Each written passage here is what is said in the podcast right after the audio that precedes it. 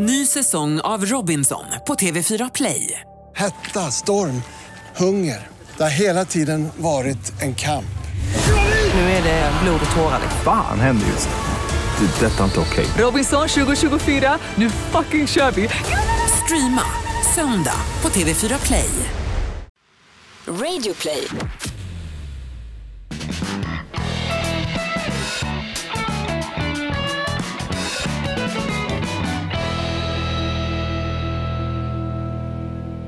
Är vi igång och rullar har vi medhörning, noshörning, enhörning och avhörning. Nu rullar vi, säger Lindskov. Och Lindskov är alltså vår demonproducent här i Sveriges mest aktuella... Ja, lugna ner dig Har det nu. gått någon förbannad peppkurs? Är det, är det jag säger som Torsten Flink, är det tjacket som går ur kroppen? Sveriges mest aktuella podd Inaktuellt i studion Jonas Nilsson, Hans Wiklund och vårt svar på Rockefeller eller eh, Slaktaren från Lyon. Jonas, aldrig två avsnitt i veckan. Jag orkar inte komma in så ofta. Lindskov. Ja. Hur har veckan varit Lindskov? Skit Men i det. varför Hans. frågar du honom? Skit i det. Du är en väldigt inkluderande person Jonas och det, det håller jag av dig för. Att du Mm. bekymrar dig om, om Lindskovs varande väl och ve och så vidare. Men vi vet ju vad han har haft för sig. Vad är det han gör? Han räknar pengar, Exakt. förstör livet för hederligt folk och så Mm. vidare. Ibland klär han ut sig till en prins från Nigeria och så skickar han brev till gamla människor och så säger att de ska avslöja sitt bank-id och vad de har för skostorlek och sjukdomsjournal och sen tjänar han pengar på det också. Det är en...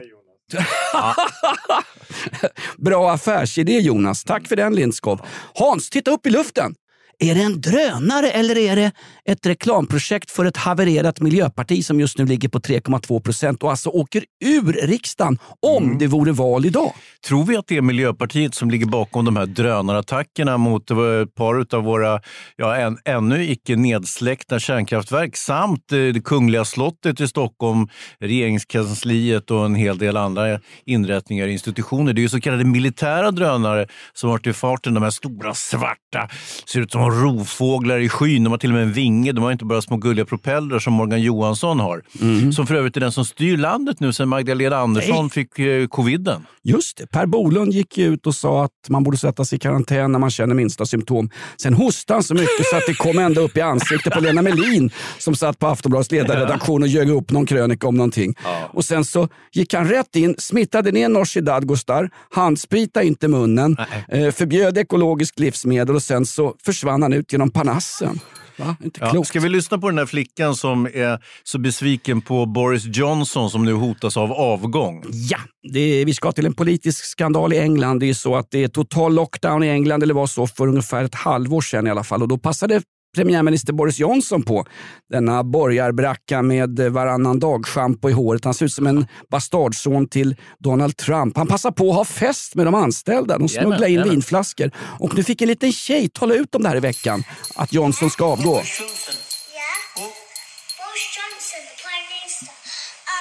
he told everybody to stay at home, yeah?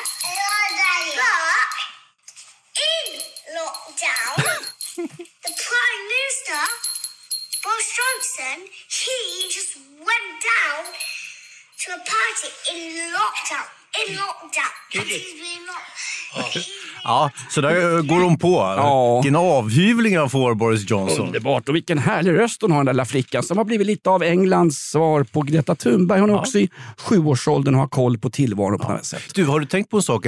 Att, eh, det här, att unga nu är rädda för att förintas av koldioxid och att miljön är på väg att gå åt helvete och jorden är på väg att gå under. Det har ju helt ersatts av krigsrädsla. Ja, det var ett reportage i veckan ifrån Rapport. Denna, eh, detta fullständigt objektiva nyhets... Sanningsorgan. Detta, Med betoning på organ då givetvis. Exakt. Det var ett könsorgan när Claes Elfsberg jobbade, men han sitter numera och tjoar och stimmar i eh, kärvänliga På spåret. Eller är det Sikta mot stjärnorna? Nej, han- det är På spåret. På spåret, ja. Eh, nej, men det, det är märkligt. Eh, de hävdar ju... Vad sa du Hans? Att, vad var de hade hävdat? Nej, de, de, eh, alltså barnen är numera oroliga för att det ska bli krig. Eh, De får ju sin information via TikTok. De tittar inte på Rapport i första hand. Det gör inte jag heller, ska jag ärligt säga. Men, men, eh, och då är barnen då är nervösa för säkerhetsläget givetvis. Och det handlar ju om eh, Rysslands allt mer aggressiva beteende och eh, och så säga, bråkiga inställning till, eh, till Nato. Och sen så har vi utvecklingen i, eh, i Ukraina. Och, Utveckling, det är snarare en avveckling. Ja, det Snart faller. Ukraina och fanan med den, alltså denna gamla gammelsvensk by. Du vet Hans att du lever i en välfärdsstat när problemet för barnen är att de fantiserar om att det möjligen skulle kunna bli ett krig fast de vet att det ändå inte blir det. Tänk då vara barn och bo i Jemen, Ja. i Mali, Mm. i Afghanistan. Nej, förresten, Afghanistan är ju rätt bra. De får ju en miljard i bistånd fortsatt här faktiskt. Ja. Hörde du att FN drog in biståndet med omedelbar verkan till eh, Afghanistan? Ah, varför det? Jo, det var en jäkla massa pengar och dessutom var det flera EU-stater som omedelbart drog in biståndet till Afghanistan och då blev afghanerna, talibanerna, förlåt mig jag blandar ihop. Ja, det blandar, det de är ganska lika de är varandra. ganska lika. De har ju kvalsterboskägg bägge två. Inte Mm. falsterbo utan kvalsterboskägg.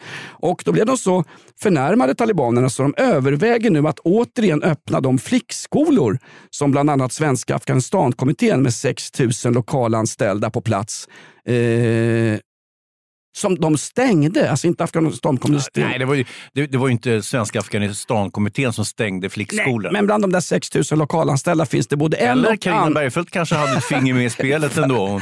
Succéreportern på Sveriges Television. Det kanske finns en och annan och en tredje taliban bland de där 6 000 lokalanställda. Vad vet jag? Jag är bara en Mm. simpel plattarslad poddare här i Inaktuellt-studion. Nej, men det är ganska roligt. Då hot, när FN hotar att dra in biståndet och några EU-länder, då kryper talibanerna till korset och säger ja, eventuellt ska vi öppna flickskolor igen och dessutom ska vi eventuellt tillåta musik i centrala Kabul. Ja. Sverige blinkar ju på och kör. Det här är fortsatt en miljard kronor. Jajamän. Ja, men ni, kan ju inte ge, ni kan ju inte ge en miljard av svenska skattepengar som vi kunde ha betalat våra elräkningar för, för att hålla igång en talibanregim. Ja, men annars är det de fattiga som drabbas, eller hur? ja. Så är det alltid. Kommer du ihåg bojkotten mot Frankrike förresten? När Mm. eh, man sprängde atombomber i Mororoa-atollen Ja, och det det. blev förbjudet nästan att köpa franskt surdeig på bolaget. Ja. Och det där stod folk och lydde. Ja, och vi fick, köpte- inte, vi fick inte ens köpa ost va? Det var ju jätteilla där. Jag köpte inte ens en flaska Valdelorry, förlåt mig, Valdeloire på den tiden. Jag gick och började köpa sån här spanskt satanshusets vin. På den tiden så var liksom bistånd, köpbojkotten. Vem minns inte till exempel handelsbojkotten mot Sydafrika? När Red Divine sjöng så här Hans. I was out on the west coast trying to make a buck, and things didn't work out. I was down on my luck. I was down on my luck. Jag ville bara trycka in lite Nej, auto. oj, oj. Det, det ska du alltid göra. Du brukar göra det i slutet av programmet. Ska vi sluta nu? Nej, det här är inget program Hans. Det här är något mycket, mycket värre. Vi vet Du- inte ens vad det är. Jag måste, jag, Det här med drönarna Hans. Ja. Du sa nyligen, om vi ska spå tillbaks bandet här, det här är ju Sveriges enda aktuella livepodd. Mm. Du sa att det var militära drönare. Vet vi det? Det kan ju faktiskt vara NATO som hetsflyger över Sagerska palatset för att liksom stånka in oss i NATO. Ja, Därför att den här blinken, det här stjärnskottet som gaggiga Joe Biden har fått fram till utrikesminister. Mm. Inte nog man satt i julas och sa att Finland wants to join the NATO. Så att Finlands eh, Ja. president Niinistö fick gå, ut och säga stopp, stopp och belägg. Vi vill inte gå med i De vill ha den här NATO. optionen eh, Blinken i, ett förändrat säkerhetsläge. Och det, och det är väl många svenskar som också tycker att det är en bra idé. Eh, Det där har ju vi med näbbar och klor kämpat emot, eh, att, med, eh, alltså, att bli medlem i NATO. Det, det kan väl respektera på något sätt. Däremot så gillar jag det med option faktiskt. Att man kan vända kappan lite grann. Om, om det börjar vina om öronen på oss svenskar, då går vi med i NATO. Men inte förr och inte senare heller. Då heller. Ungefär på samma sätt som att när det börjar vina om öronen och det finns ett ryskt invasionshot, då kollar vi till om vi har någon form av beredskap. Ska inte beredskap ordnas Hans, lite grann före det verkliga scenariot inträffar? Jo, det är ungefär som att Säpo kollar den nicaraguanska städerskan i statsministerns villa efter det att hon har varit där och städat i omgångar i flera veckor. Så det, är väl ja. för, det är framförhållning. Det sa ju till och med Sandy Woodward när han eh, kämpade i fall, Falklandskriget. Nej, inte Falklandskriget. Det har vi portförbjudet från den här podden. Det vet som minns- mycket väl. Jag vet. Han sa i alla fall eh, framförhållning är det mest vitala när det gäller krigföring. Alltså. Ja, så är det. Vi, vi jobbar precis tvärtom i Sverige. Nu är det ju ett oerhört fokus på säkerhetsfrågor och, eh, och det militära. så att säga. Vi hade ju en mobilisering närmast på Gotland, vilket var roligt att iaktta tycker jag. Jag drar mig till minnes för ungefär en 20 år sedan när vi hade eh, regeringen Reinfeldt. Kommer du ihåg dem? Jag Och han- har via min terapeut försökt få förtränga fanskapet ur mitt minne. Men jag Ja. minns honom. Ja. Djurgårdskille, va? tunnhårig och skaffade en presskonferens med Djurgården när, när, han förs- när, det, när det handlade om att någon hade hotat Djurgårdens tränare, vilket inte ens var sant. Det var vanliga sketna supportrar Ja. som hade ställt några frågor till Magnus, jag är hopplös Persson, Ja. gammal Djurgårdstränare. Jo, jo, jo, jo, jo, jag hör vad du säger. Men eh, du vill inte att jag ska dra upp eh, AIK-legendaren Bosse Hansson, tv-sportens eh, finaste kille heller, eller hur? Hans, men men apropå, jo, men. Fredrik Reinfeldt, visst, Ja. skit i Bosse Hansson. Nej, men vet du Fredrik- vad? Bosse nej. Hanssons anhöriga har gått på oss. De har ju tydligen utsatts för något så fruktansvärt som att lyssnat på den här podden. Det är någon granne Va? till någon anhörig till Bosse Hansson som har bett att vi inte ska nämna Bosse Hansson i den här podden. Nu har du ju sagt hans namn flera gånger. Ja, nu har vi tagit ner till ett minimum. Nu nämner vi bara Bosse Hansson ungefär fyra, fem gånger. Ja. Alltså tv-sportens svar på Gustav V för att göra en lång historia Ja, kort. men det kan man väl säga. Men så fort du säger att eh, Reinfeldt är djurgårdare, då kvitterar jag med den där kontrar och, och en höger-vänster. Men det var ju så med Reinfeldt, han plockade ju in Sten Tolgfors som försvarsminister i början på 2000-talet. Den jäveln hade inte ens gjort lumpen. Han var ju vapenvägrare och gjorde vapenfri tjänst. Och han var inte särskilt intresserad av säkerhetspolitik och försvar överhuvudtaget. Däremot var han väldigt intresserad av eh, bistånd av flyktingars situation i Sverige och dessutom så var han hårt engagerad i mobbingfrågor. Han kom ju från pingstkyrkan. Det var tydligen därför som han inte ville eh, eh, bära, bära eh, ett militära vapen och så vidare. Han drack väl vigvatten vid sidan om sägs det också. Men det, det, det, Det har vi inga belägg för. Nej, absolut inte. Och allt som sägs i den här podden är bevisade sanningar. Absolut. Vi är lika pålitliga som Tegnell och hon. Vad heter hon som sitter och, sitter och tjoar i underkjolen i På spåret? Agnes Wold? Agnes Wold. Men Nej, du- men, ja. var, var det Tolgfors eller var det Reinfeldt som på den tiden sa att försvaret är ett särintresse. Det hade liksom ingenting att göra med den vanliga statsbudgeten. Nej. Vilket i sig är ett fullständigt horribelt uttalande. Det är så skulle gå- horribelt så han skulle fan kunna börja jobba som pressansvarig på Säpo. För där har du riktiga eh, t- platsskallar som jobbar. Det är värre än oss. Ja, lite, men, men så, eh, det är på gränsen till, till landsförräderi att påstå att försvaret är ett särintresse. Det var Reinfeldt som sa det för övrigt. Var det Reinfeldt? Och dessutom, det betyder då ungefär, då, om man ska försöka översätta särintresse, det är att eh, politiken inom just det området då, det är bara för de närmast sörjande. Det vill säga de som har sin utkomst av försvaret. Det är de som är intresserade av att ha ett försvar.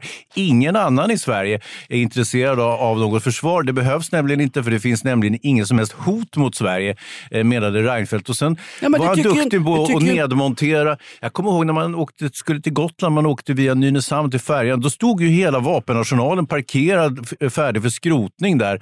Eller försäljning till, till olika Den eh, mindre nogräknade stater i före Den detta såldes Sovjetunionen. till Jemen eftersom vi definitivt inte ska leverera några produkter till krigförande länder. Några år senare så startade ju Jemen då via islamistiska rebeller ett krig emot Saudiarabien. Och ja, märkligt Hans, vi säljer ju vapensystem även till Saudiarabien. Jajamän. Va? Jajamän.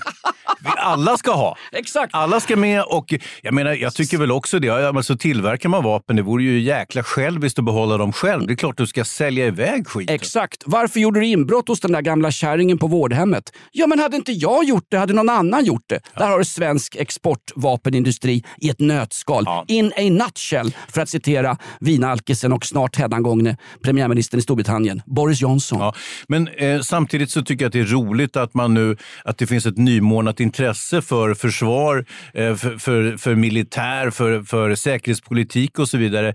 Och eh, dessutom tycker jag det är skönt att slippa det här jävla miljödravlet. Och, och det gör vi ju nu. Nu, har ju, nu åker ju vad heter de, Miljöpartiet ut ur regeringen och eh, så småningom troligtvis ut ur riksdagen också om de ska bibehålla sina lättölsprocentsiffror så att säga. Men så att det, här, det, här, tror jag, det, det, det, nya är ju, är ju försvar. Du, har en, du har koll på grejen Hans. Jag tänkte Ja. ställa en fråga till dig. Det här med att det rullar runt stridsvagnar och antitanksystem på Gotlands gator. Vad är poängen med det?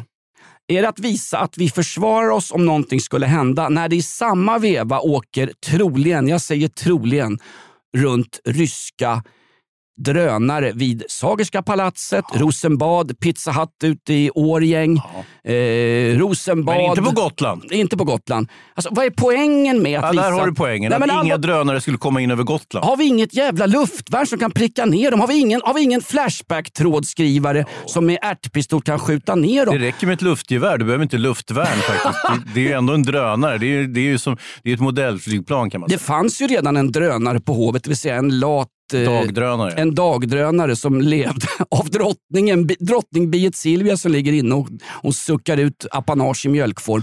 Chris, det var ju drönaren på slottet.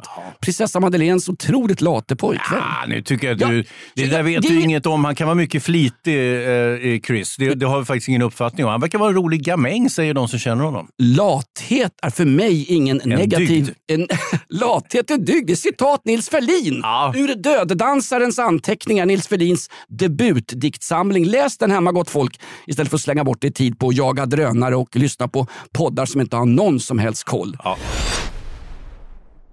Det här är ett betalt samarbete med Villa Fönster. Du behöver lite mer tryck nu Jonas. Tryck! Villa Fönstersnack med Linnea Bali.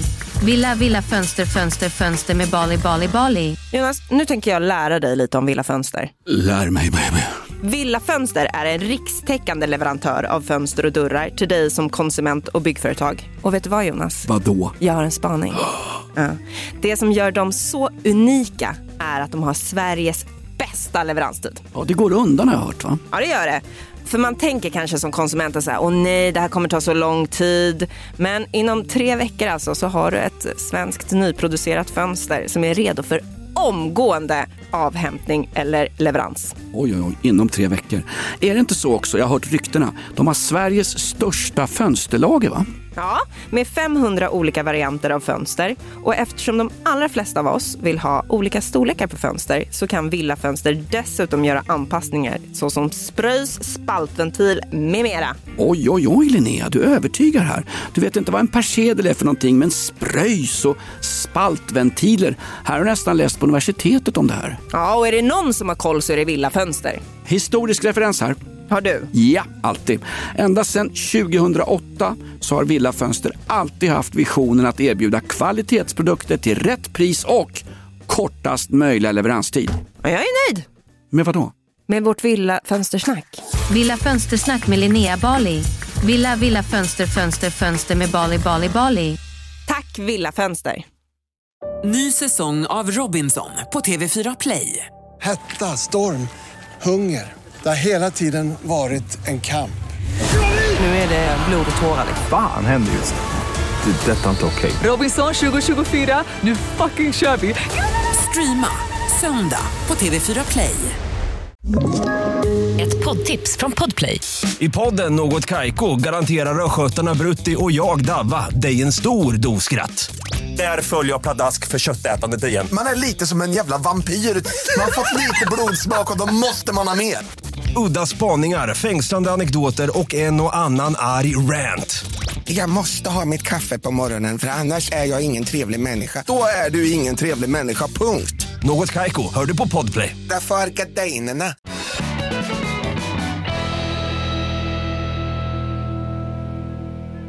Du, om jag får bli snäppet allvarligare, jag har en lite sorgsam nyhet för det här. Får jag, bara Eh, det- säga en, får jag bara säga en sak Hans? Det är viktigt faktiskt. De intervjuar någon kärring de har skrämt upp i en villaträdgård. där SVT Rapport strängt in en sån här eh, tre meter lång corona-mick. Ja, ja, ja. Rätt in i trädgården och så sa hon det. Vad tycker om att det är svenska strids... Hon svarade hosta som Per Bolund rakt i ansiktet på dem. Jag tänkte så här, men tanten kan väl ta av sig munskyddet när SVT Rapport är och intervjuar. Ja. Hon hade ingen munskydd. Hon hade haft en Aj, stroke aj, för att hela ansiktet liksom hängde på henne. Vet du vad hon säger om den svenska militära närvaron på Gotland som jag faktiskt hyllar? Nej. Jag blir illa berörd, säger hon.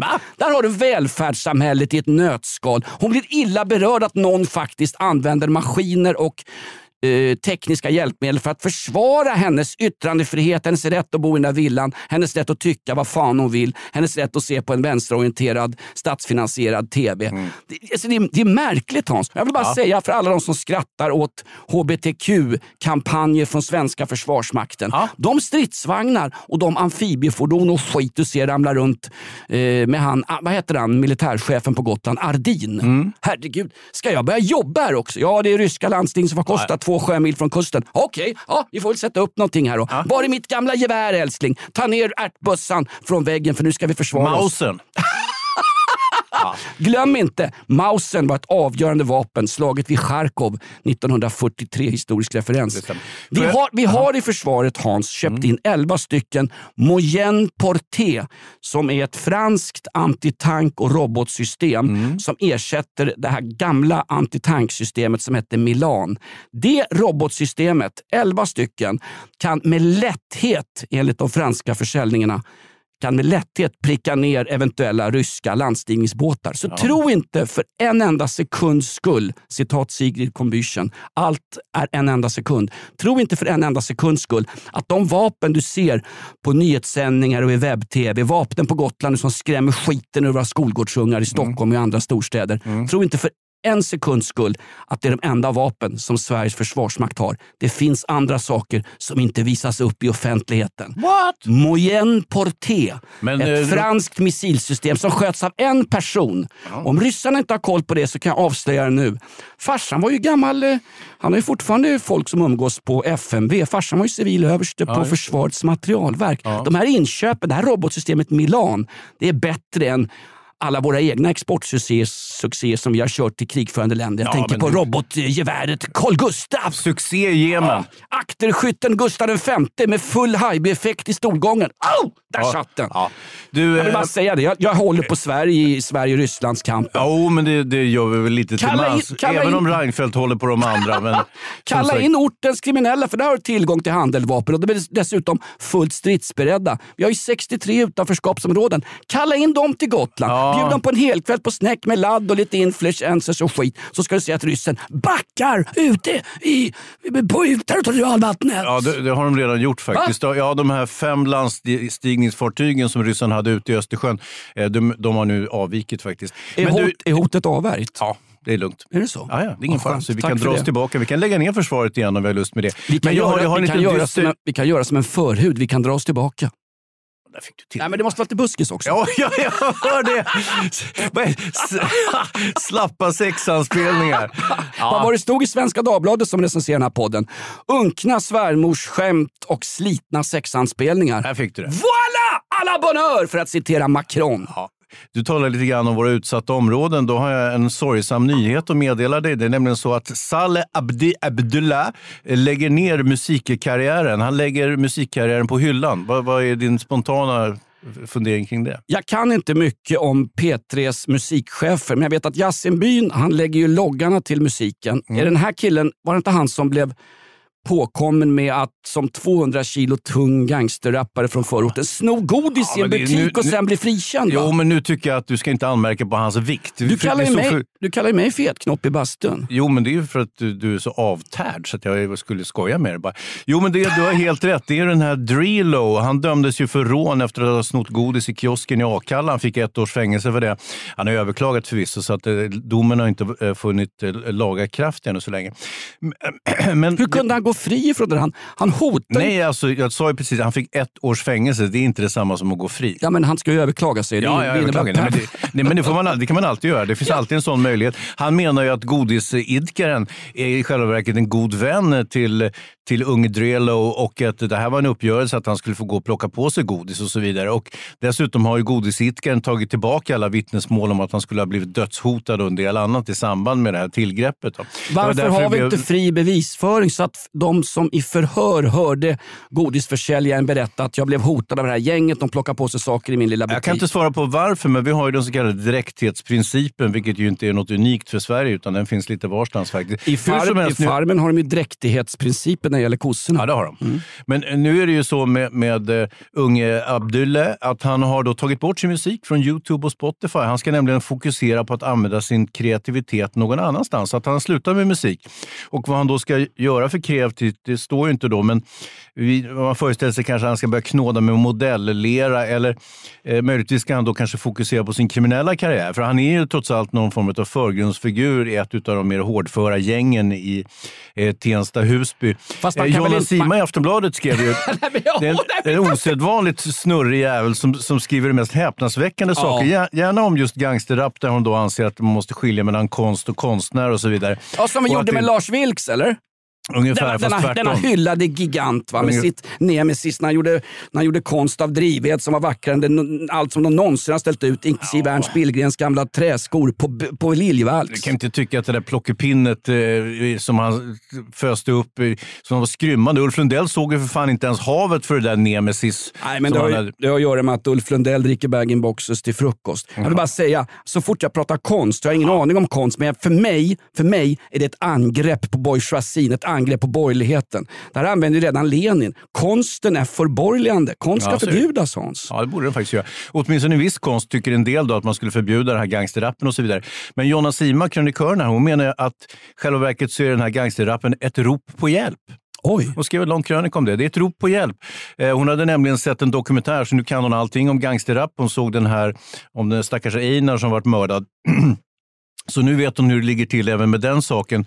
Eh, sen så, alltså, det var en häpnadsväckande text hon skrev. Den försvann sen Aftonbladet. Jag vet inte om det var så att den i efterhand inte klarade kvalitetskriterierna man har på den där blaskan. Jag har ingen aning om, om Det där, om det där var så märkligt att Jonna Simas krönika som jag läste och tänkte herregud vad är det som har hänt här? Är det någon som har face-rapat Jonna Sima? Mm. Sen försvinner krönikan. Den låg väl ute i 8-9 timmar på aftonbladet.se. Ja. Sen försöker jag gå in på Expressen och kolla om det är någon som har någon slags kommentar till varför Aftonbladet lyfter sin egen krönika av hyllade, internt hyllade Jonna Sima. Ingenstans vet vi varför den där lyftes Hans. Nej, och det, och och det både du och jag råkar läsa den. Det är Ja, märkligt. vi hade ju rent tur då. Men, men, Vi kommer ju ut som Jonna Sima-fans här. Ja, lite. Men, men grejen var att dels då så, så anser hon ju att gangsterrappen kan vara ett rop på hjälp och sen hade hon ju dessutom teorin att, att uh, unge Abdel, att han eh, nu hade kommit till insikter efter att ha blivit dömd till ett års fängelse, vilket han inte har för avsikt att avtjäna helt uppenbart. Eh, och att han då skulle ha liksom eh, besinnat sig och, och därför stängt ner sin egen musikkarriär. Snarare så är det väl kanske så att han, några konkurrenter till honom har hotat honom och sagt att han måste ta bort sin musik, annars så, eh, eh får han fan för det. Det är, det är väl en, jag om man ska spekulera i de här Mm, eh, eh, eh, gangster... Det är inte särskilt rationellt, alltså det beteendet och de resonemangen som förs i de här så att säga, kriminella kretsarna. Men förr i världen, tukthus som det hette när Lasse Strömstedt satt på Långholmen, så var det ju, för att citera Strindberg, det var ju till androm till androm varnagel. Det var räfs och rättarting. Man kunde ju faktiskt få en insikt om att nej, fan, det här är så satans tråkigt. Dessutom gör det så himla ont i röven uppe vid stenbrottet på Långholmen. Men Så jag tänker ja. inte begå några fler brott. Jag tänker faktiskt försöka skärpa mig. Tänk dig om den här blö, faktiskt har fått den insikten Hans. Då är ju kriminalvården i en helt annan dager Jo, jo, jo, i den här hetska... Men jag tror inte det. Lasse, Lasse Strömstedt kom ju till insikt. Han kom ut och var med i Staffan Hildebrands film Gay för G, nej, vad heter den? G, G i gemenskap. Där han, G som är gossstjärt. Just precis. Och där, där då Lasse Strömstedt eh, yppade repliken, väldigt välskriven replik för övrigt. Och den, det kanske var en Lasses egen. Min moral, den är jävligt hög ska du veta! Ja, och det stämmer ju.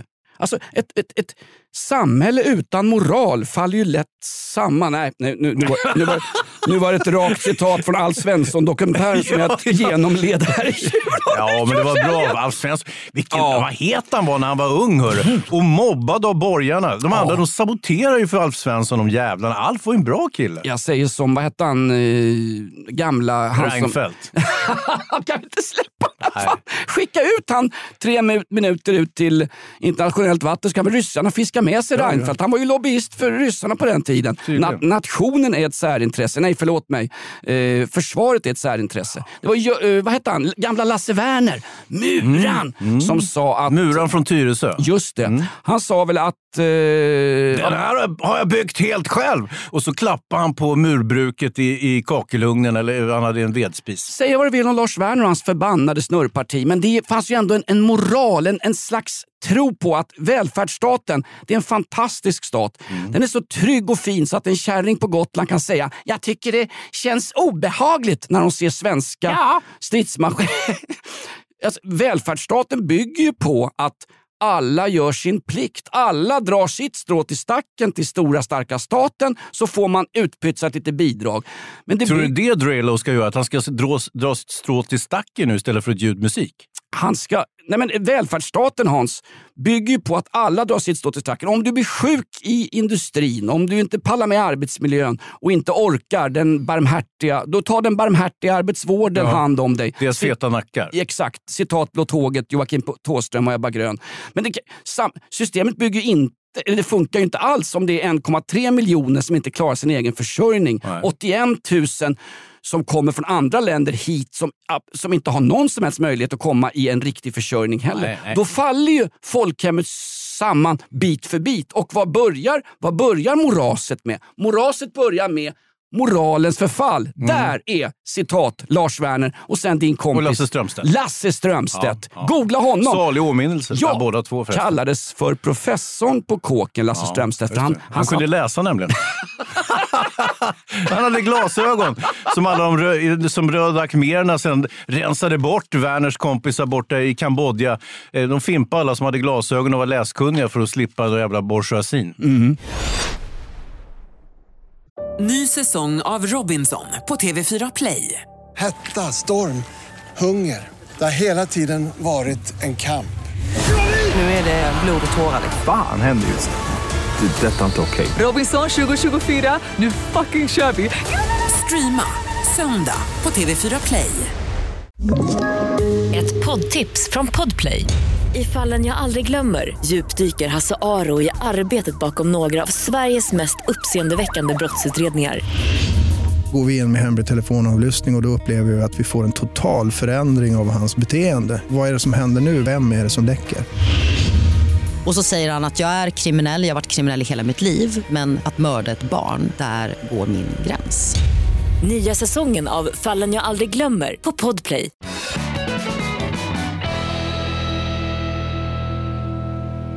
Hör du Hans, eh, vi har ett tufft jobb. Vi ska gå upp klockan fem varje morgon och göra en radioshow. Det kan du göra. Men någon...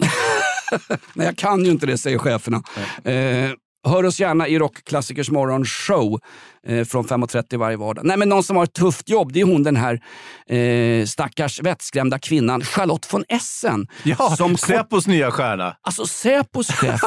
Hon hinner knappt fira jul förrän det är full kalabalik med den här nicaraguanska kontrasrebellen som råkar städa hemma hos Magdalena Andersson i Mm. hennes för detta villa. Och har gjort så. Och har gjort så. Genom ett skurkaktigt bolag som har skickat blufffakturer och, och eh, bor, sammanbor med en grovt kriminell våldsperson och så vidare. Det var ingen ordning alls i det där bolaget. Det är värre än att bo ihop med eh, trummisen i Rauptir och vara bördig från Haparanda. Förlåt det mig. Hail Paranda. Lex Karkiainen.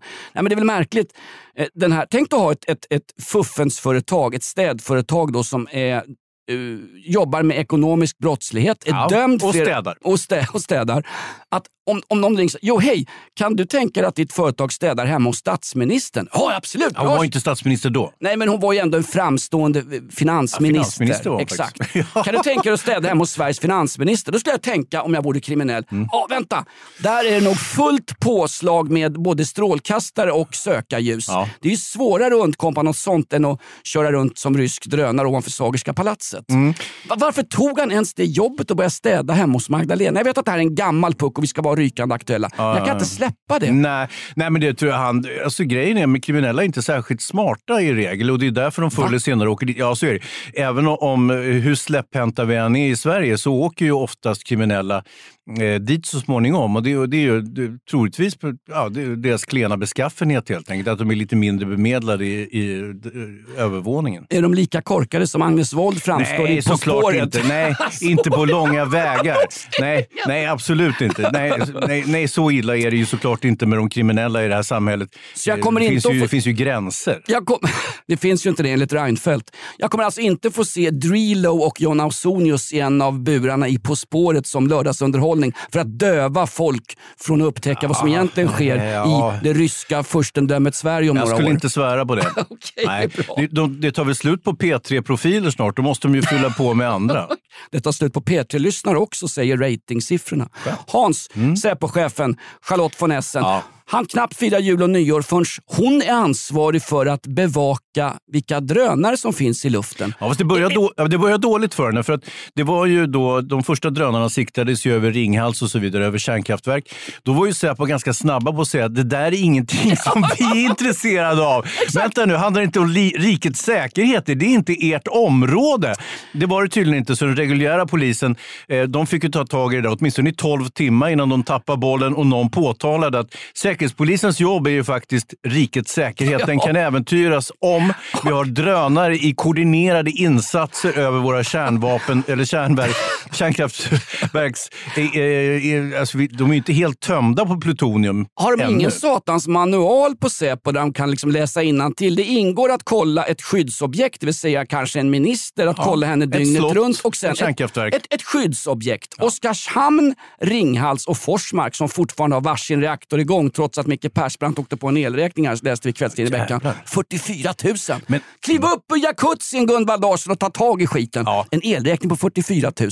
Skitsamma. Att inte Säpo är ansvariga för att bevaka de skyddsobjekt vi har i landet. Mm. Jag kan köpa det. Är det inte Försvarsmakten som med vapenkraft Nej, det är ett särintresse. det där är bara de som jobbar inom försvaret som är intresserade av Jonas. Åh! Ja. Ibland saknar jag Jakob Ökvist när jag går på Systembolaget. Vad fan är det? Ja, han som hängde med den här podden. Men alltså, det, alltså, alltså vi, vi går ut på den Hans. Men särintresset, det är, ju därför, just därför som ingen är ansvarig när det flyger drönare kors och tvärs. Han sitter och flinar läppen av sig när han ska invadera Krim, den gode Putin. För jag förutsätter att det är ryska eh, trollfabriker och populister och allting. Och Trump och heteronormativa eh, Patriarkatet! patriarkatet! Jävlarna! Patriarkatet är ett förbannat särintresse. Citat Jonna Sima. Hörru du, Herregud, hon är bra snurrig va? Ja, men ändå. Alltså, någonstans. Om, det finns ju massa snurr. Jag kommer ihåg hennes farsa. Han, jobbade också, han var ju också skribent på Aftonbladet. Jag tror att hon kanske fick ärva hans jobb när han gick i pension. Han var ju dessutom eh, filmregissör. Gjorde några ohyggligt usla filmer för våra pengar eh, och för socialdemokratins eh, partikassa. För han hjälpte dem att göra filmer också. Jag råkar minnas honom. Han hette Jonas Sima och han kunde få tv-serien Hem till byn att se ut som ett actionreportage. Nej men det är ju så. Men Jonas, nu är det så här. Nej, vi kan inte ge oss på en enskild Nej, men jag, tvärtom, jag ska försvara henne nu. Nu förbanndas Är du jag. misogyn din jävel? Nej, men så här är det. Alltså, jag... Eller är, hon, är det en man? Nej, vänta nu. Jonna Sima. Jonna är väl ett Nej, men nå- eh, pojknam? Hon kan tycka exakt vad hon vill och det är det som är så fantastiskt i Sverige. På riktigt. Homo, bi, transpersoner får tycka exakt vad de vill. Därför att eh, just nu är Sverige då, det finns ett underliggande hot. Han är så bra Peter Hultqvist när han sa det. Kommer Ryssland invadera Gotland? Nej, jag skulle inte tro det. Jag ska nämligen på finska försvars eh, NATO-samarbetskongress i Helsingfors här om en vecka. Men och så säger han, det är inte uteslutet med en rysk invasion. Och Där har han det liksom. Och så säger då massa snurrpellar på Flashback och goda vänner till mig. Åh, men det är väl bra om ryssarna kommer hit. Alltså. Hur många gängskjutningar har Putin? Hur många åldringsrånare har de i Moskva? Bla, Ganska bla, många bla. fler. Ja, exakt, exakt. Icke redovisade siffror. De Gäng- ljuger ju värre än de gör i Sverige om det där. Gängskjutningarna i Abkhazien och eh, ryska utbrytarrepubliker, det är ju riktiga krig för guds skull. Så den som tror att Putin skulle kunna rädda det här kraschade folkhemmet från någonting mer än att det skulle möjligen vara att vi skulle sänka priset på 20 grams brev hos Postnord, tror fel. Att, det fin- att Jonna Sima får skriva exakt vad hon vill, att du och jag får sitta i denna podd och likt Charlie Hebdo spy galla över Lars Vilks konst, Drilo eller vad som helst. Det är yttrandefrihet. Jo, jo, men se, brotts- se hur det gick för Lars Vilks. Han dog va? Oj, de, de tog han. Ja, kolla den där vajern, den var väl uppspänd också längs motorvägen av eh, Putin. Vet du. Ja, men hur ska det gå för oss Jonas? Det kommer gå åt helvete för oss Hans. För snart är det här avsnittet av podden... Kan vi ta tillbaka allt? det går inte. Inte inför ett sittande ting. Vi skulle inte ha skojat med Drilo att han hade ätit för mycket pizza och snott godis. Nej, verkligen inte. Det var någon som liknade ryssarnas förhandlingsteknik att eh, man sätter sig vid ett bord med ryska försvaret och så lägger de upp en stor jävla kalasjnikov mitt på bordet. Ja, vad var det ni ville nu då? Där ungefär hamnar. Just just Ja. Hans, nej jag säger bara det att vi ska vara glada över den yttrandefrihet vi har. Just nu pågår en stor reklamkampanj på, eh, ja, i Stockholms tunnelbana. Jag åker ju fortfarande eh, vad heter det, public service? Nej. Loser! Exakt, jag åker ju fortfarande tunnelbana eh, på väg till och från mina SFI-kurser. Eh, och I tunnelbanan så har Brottsoffermyndigheten just nu en stor kampanj där det står att eh, ja, anmäl den som är dum mot dig, bla bla bla. Och så står det som en slags tagline, en slags payoff, en slags avslutning på hela meddelandet. Ingen ska behöva bli kränkt i Sverige. Nej. Och, och då tror liksom, alltså, att, leva, att leva är att bli kränkt. Jag blir kränkt av andras Ja, åsikter. Jag kan bli kränkt av en John Nassim-artikel. Jag kan bli kränkt av en kärring som står och pratar om svenska försvaret som något obehagligt i en trädgård i Gotland. Men Att, att bli kränkt Hans, det är en del av att vara människa. Ja, det stämmer nog. Att kränkas är att leva. Citat, vad heter han? Martin Soneby, han som fuskade i Kanal 5s såpa. Fuskade Ja, men han låtsades ju. De gjorde ju dolda kameror fast det Ja, var ja, fusk. ja, ja, ja. Han, men han var väl komiker också, eller? Jo, jo visst. Ja. Nej. Sverige är det enda land där det finns fler ståuppkomiker än vad det finns skämt. Just det. faktiskt. På tal om Jakob Ökvist. Ja, ja. Nej, Jag vill bara säga det Hans, att, Mm. eh, att, att, att höra andras åsikter. I Sverige Mm. har det blivit att vara kränkt. Jag kan väl tycka vad jag vill om John Nasima eller Lena Melin, men jag är beredd att gå i döden för deras rätt att försvara dem. Det är en gammal Voltaire-sägning när han låg i badkaret och just hade haft sex med Marie Antoinette, hon som var buksvägerska med han Axel von Fersen. Han var lite smygisam. Fan, vilken röra. Axel von Köttfärsen. Men det påminner ju om Gustav Vs hov. hål. Du, Googla Axel von Fersen. Där har du en sexmissbrukare som uh, väl i klass med gänget som ramlar runt i kohagarna på Farmen nu som firar 20 år. Såg du reprisen av Farmen förresten när Farmen-Kristina fick berätta Nej. varför hon var så jävla ilsken? Varför var hon så ilsken? Hon vet vad hon säger. Nej. Jag kan inte hjälpa det. Och om de blir ledsen för att jag är arg så kan jag inte hjälpa Nej, det. nej. Det är sån jag är. Ni får ta mig precis som jag är. Ja, ja. Jag vill ha Farmen-Kristina som ny chef för Brottsoffermyndigheten. För det är inte så jäkla farligt att bli kränkt. Det säger den engelska komikern Ricky Gervais. Han säger det. Jaha, så ni har en cancelkultur på, på obehagliga skämt? Mm. Ja, det spelar inte mig någon roll. För jag tänkte fortsätta att dra mina skämt som kanske inte passar i alla. Kan han säga som är multimiljonär på sina tidigare skämt? Har han pengar den fan? Ja, visst, han är ju rik som ett troll. Jag tänkte på den där uh, antikränkningskampanjen i tunnelbanan.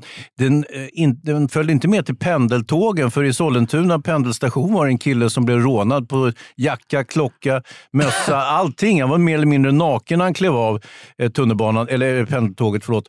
Och då menar ju polisen att det där sticker i ögonen när, när ungdomar har för dyra kläder på sig. och De får nästan skylla sig själva om de blir rånade. Ja men det är ju ungefär som att säga att Örjan Rambergs flickvänner fick skylla sig själva. De satt ju och bjäbbade Bjäbba emot, va? De satt ju och bjäbbade emot i köket. Det där är ju victim shaming per definition. När var det här Hans? Ja, men det var ett tag sedan. Men det var, Har det, Drilo alibi för mordkvällen?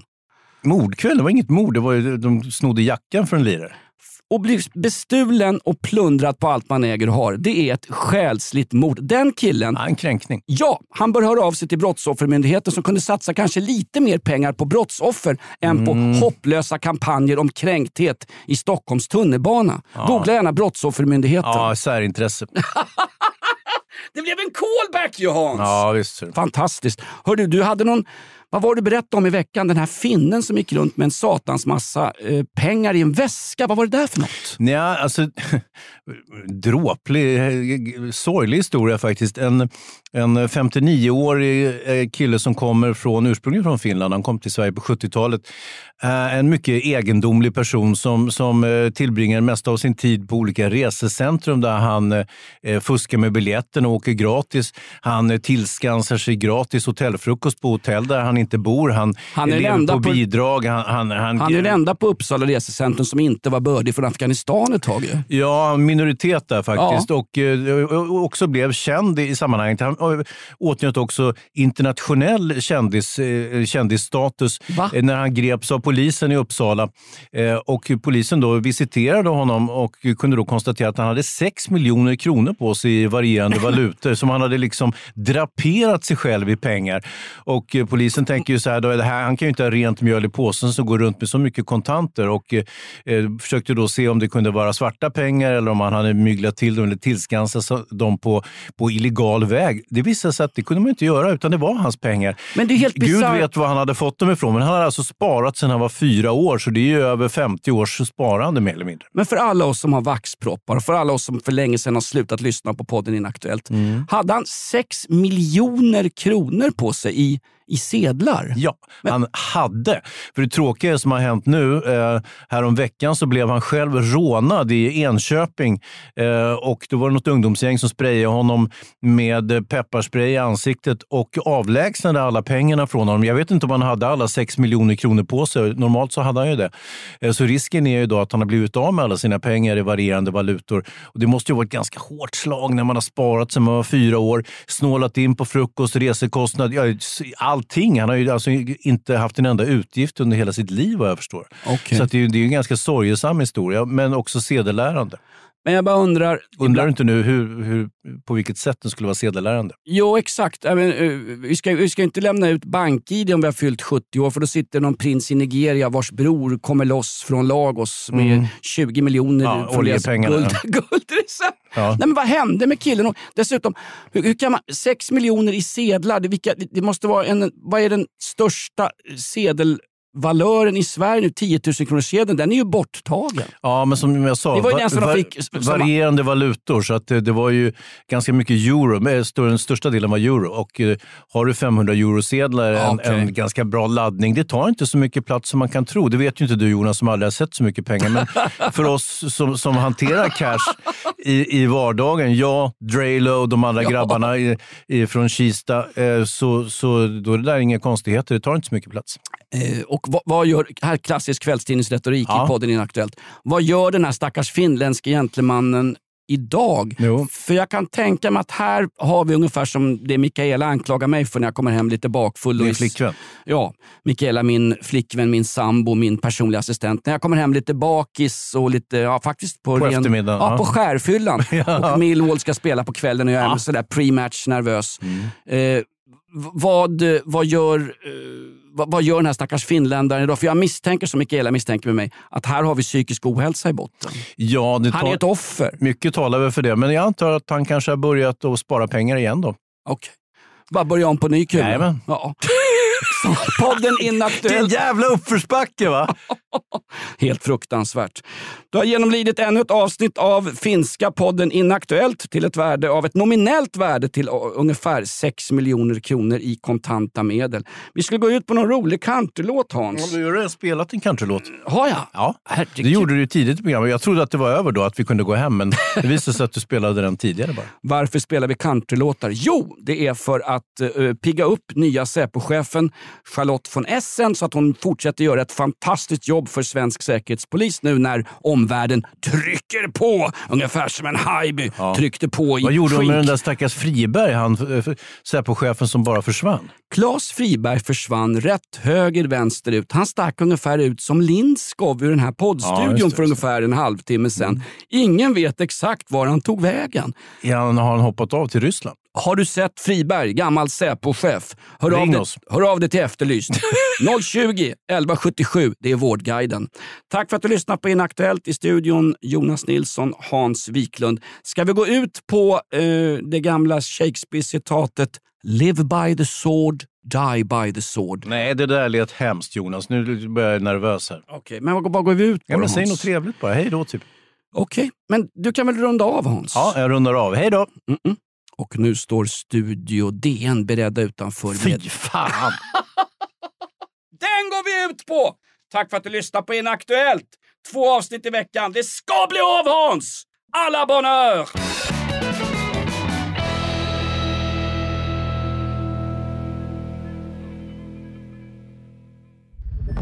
Podplay, en del av Power Media. Ny säsong av Robinson på TV4 Play. Hetta, storm, hunger. Det har hela tiden varit en kamp. Nu är det blod och tårar. Fan händer just det. Det är detta inte okej. Robinson 2024, nu fucking kör vi! Streama söndag på TV4 Play.